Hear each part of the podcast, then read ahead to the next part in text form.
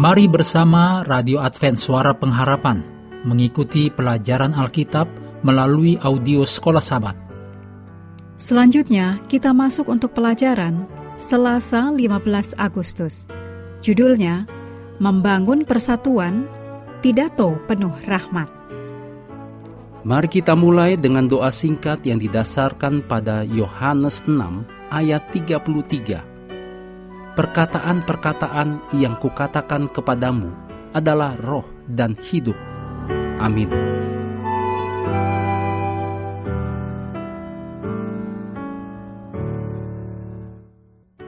Efesus 4 ayat 25 sampai 29 berisi nasihat Paulus sehubungan dengan penggunaan ucapan di antara orang percaya.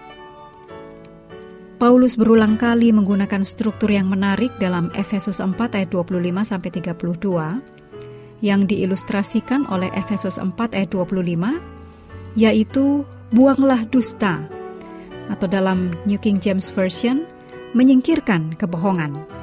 Ini adalah sebagai perintah negatif.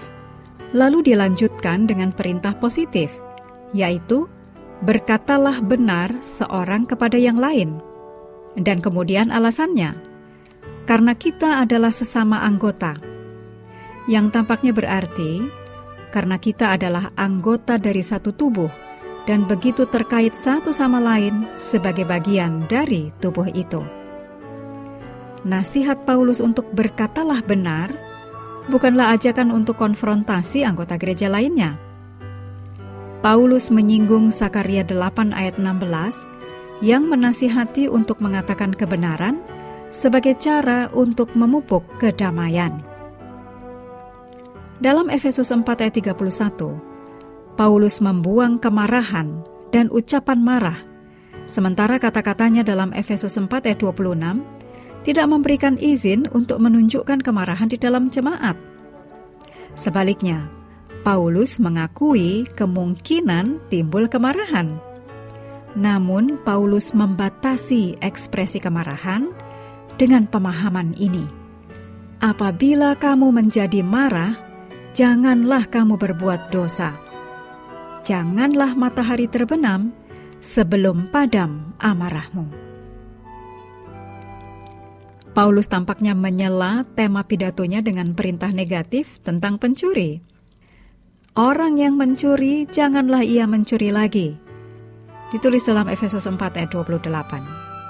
Secara positif, pencuri harus bekerja keras dan melakukan pekerjaan yang baik dengan tangannya sendiri. Ditulis dalam Efesus 4 ayat 28, juga 1 Korintus 4 ayat 12, dan 1 Tesalonika 4 ayat 11. Ini berdasarkan alasan, dilanjutkan dalam Efesus 4 ayat 28, supaya ia dapat membagikan sesuatu kepada orang yang berkekurangan Mungkin Paulus memasukkan kata tentang pencuri di sini karena ada hubungan antara pencurian dan ucapan yang menipu.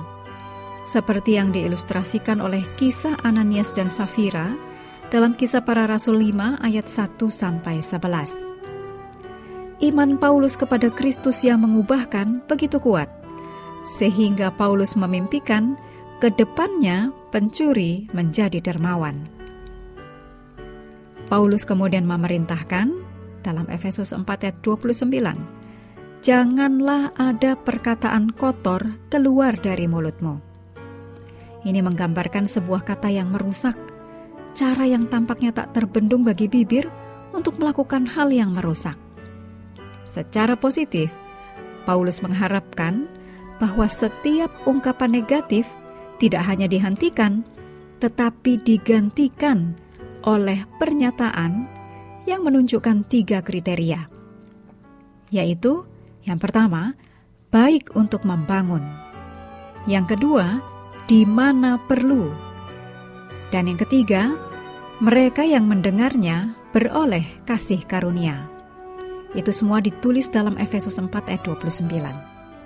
Seandainya semua kata-kata kita bisa seperti itu Mengakhiri pelajaran hari ini, mari kembali ke ayat hafalan kita dalam Efesus 4 ayat 22 sampai 24. Yaitu bahwa kamu berhubung dengan kehidupan kamu yang dahulu harus menanggalkan manusia lama yang menemui kebinasaannya oleh nafsunya yang menyesatkan, supaya kamu dibaharui di dalam roh dan pikiranmu, dan mengenakan manusia baru yang telah diciptakan menurut kehendak Allah di dalam kebenaran dan kekudusan yang sesungguhnya.